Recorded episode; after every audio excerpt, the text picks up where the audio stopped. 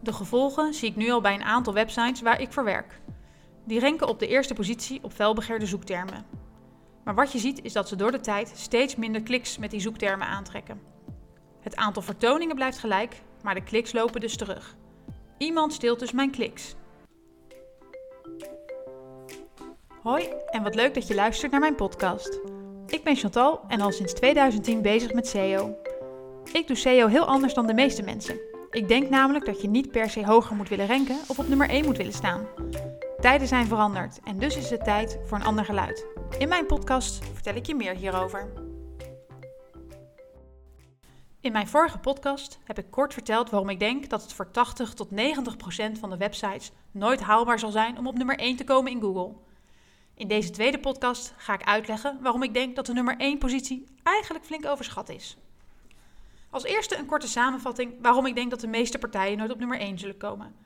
De strijd om de eerste positie is namelijk een strijd van de SEO-elite. Een wedstrijd op Champions League niveau. Je moet flinke budgetten hebben, een goede technische website en een waanzinnig linkprofiel. Veel van deze SEO-elite investeert al jaren in SEO en heeft ook daarom een enorme voorsprong. Als jij niet op dit niveau het spel mee kan spelen, dan zul je op beconcurreerde zoektermen waarschijnlijk nooit op de eerste positie komen. Het lijkt meteen alsof dit een groot drama is. Wat is SEO nog als je niet op nummer 1 kan komen? Heeft SEO nog wel zin?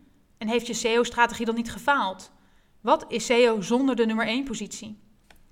Toch denk ik dat we veel te veel belang hechten aan die nummer 1 positie. Ja, je wilt er graag staan, zo bovenaan in SEO, en het levert enorm veel verkeer op. Het lijkt dus de ultieme droom. Op één staan op die ene felbegeerde zoekterm, bovenaan in Google. Toch is niks minder waar. Je staat bovenaan in SEO, maar niet bovenaan in Google. Als je op nummer 1 staat, heb je bijna altijd nog vier advertenties boven je. Soms zelfs een flinke rij met Google Shopping resultaten. Als je pech hebt, staan er nog wat afbeeldingen of nieuws of een Google Maps resultaat boven je. En als je echt heel veel pech hebt, dan staat er nog een boekingsmodule boven je. Dat zie je vaak bij vluchten en hotels. Google bedenkt dus steeds meer nieuwe features die bovenaan de SERP, de zoekresultatenpagina, staan. Op informatieve zoektermen zie je nog wel eens een uitgelicht resultaat met antwoord. Position Zero.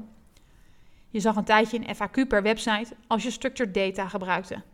Nu zie je vrij prominent in beeld een FAQ met daarin de resultaten van meerdere partijen samengevoegd. Als je op nummer 1 staat in SEO, komt het er in de praktijk helaas op neer dat je ver buiten beeld staat. Op een desktop moet je al flink scrollen, laat staan op een mobiele telefoon. Ik heb zoekresultaten gezien waarbij ik soms al drie tot vier keer moet scrollen voordat je het eerste SEO-resultaat ziet. Zoek maar eens zelf op e-bike of op spijkerbroek. Dit heeft flinke gevolgen van wat je van die nummer 1 positie mag verwachten. Volgens cijfers van MOS was in 2014 de CTR op de nummer 1 positie bij een non-branded zoekterm nog 25%. Inmiddels is dat naar onder de 20% gezakt. En juist die non-branded zoektermen zijn waar het iedereen om gaat. Het zijn de zoektermen waarbij er geen merknaam wordt gebruikt. Er wordt dus naar iets algemeens gezocht, zoals bijvoorbeeld Amerikaanse koelkast, airconditioning of dameschoenen. Op dit soort zoektermen is de concurrentie dus het meest hevig. Het zal je enorm veel tijd en geld kosten om op dit soort zoektermen bovenaan in SEO te komen. En dan heb je gemiddeld een CTR die onder de 20% ligt en mogelijk de komende jaren nog verder gaat dalen. Want Google wil natuurlijk liever dat mensen op een advertentie klikken of binnen de zoekmachine blijven. Waarschijnlijk zul je binnen enkele jaren zien dat je alleen nog maar organisch verkeer zult hebben op zoekopdrachten die Google zelf maar met moeite kan beantwoorden. De gevolgen zie ik nu al bij een aantal websites waar ik voor werk. Die renken op de eerste positie op felbegeerde zoektermen. Maar wat je ziet is dat ze door de tijd steeds minder kliks met die zoektermen aantrekken. Het aantal vertoningen blijft gelijk, maar de kliks lopen dus terug. Iemand steelt dus mijn kliks. Zijn het mijn concurrenten die onder mij staan, maar een betere merknaam hebben en dan toch nog de kliks weten te krijgen? Zijn het de advertenties boven mij die de kliks stelen? Of is het Google, die op vooral informatieve zoekopdrachten wel eens meteen het antwoord laat zien? Het is heel lastig om erachter te komen wat het precies is, maar neem van mij aan dat alle drie de scenario's nog wel eens mogelijk kunnen zijn. Dan sta je dus op nummer 1 en dan zie je alsnog je SEO-verkeer teruglopen. Dat is natuurlijk flink balen, maar er is nog meer aan de hand. In veel gevallen zijn de zoektermen waar iedereen op wil ranken nog helemaal niet specifiek. Neem zoiets als airconditioning. Hoe groot is de kans dat iemand die dat zoekwoord invoert in Google snel gaat converteren? Ik denk dat die kans heel klein is. Gaat het om een mobiele airco? Gaat het om een grote airco? Is het een airco voor thuis of op kantoor? Wat is het budget en wat voor merk zoekt iemand? Mogelijk is iemand nog enorm oriënterend en is de kans heel groot dat er niet te snel geconverteerd wordt. Dat is zonde als je bedenkt dat je zoveel tijd en geld hebt geïnvesteerd in die eerste positie. Zijn de kosten en opbrengsten nog wel in verhouding?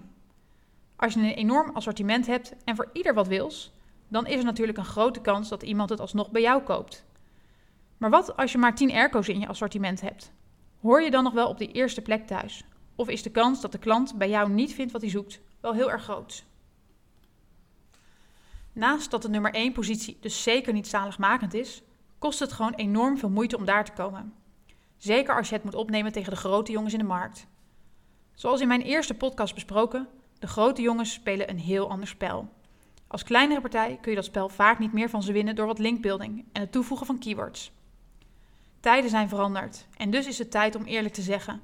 Zeker als kleine speler zul je onder ogen moeten zien dat de SEO-markt op toptermen verzadigd is en dat het spel om de meest beconcurreerde termen niet meer toegankelijk is voor iedereen.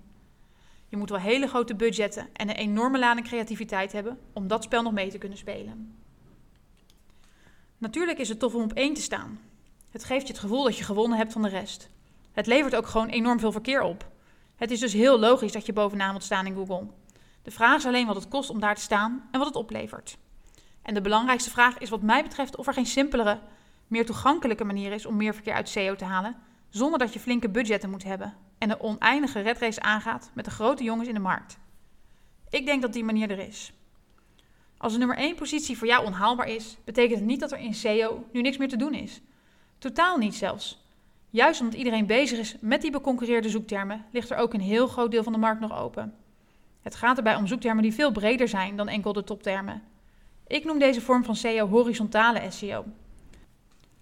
Bij horizontale SEO gaat het om zoekopdrachten, niet meer om keywords.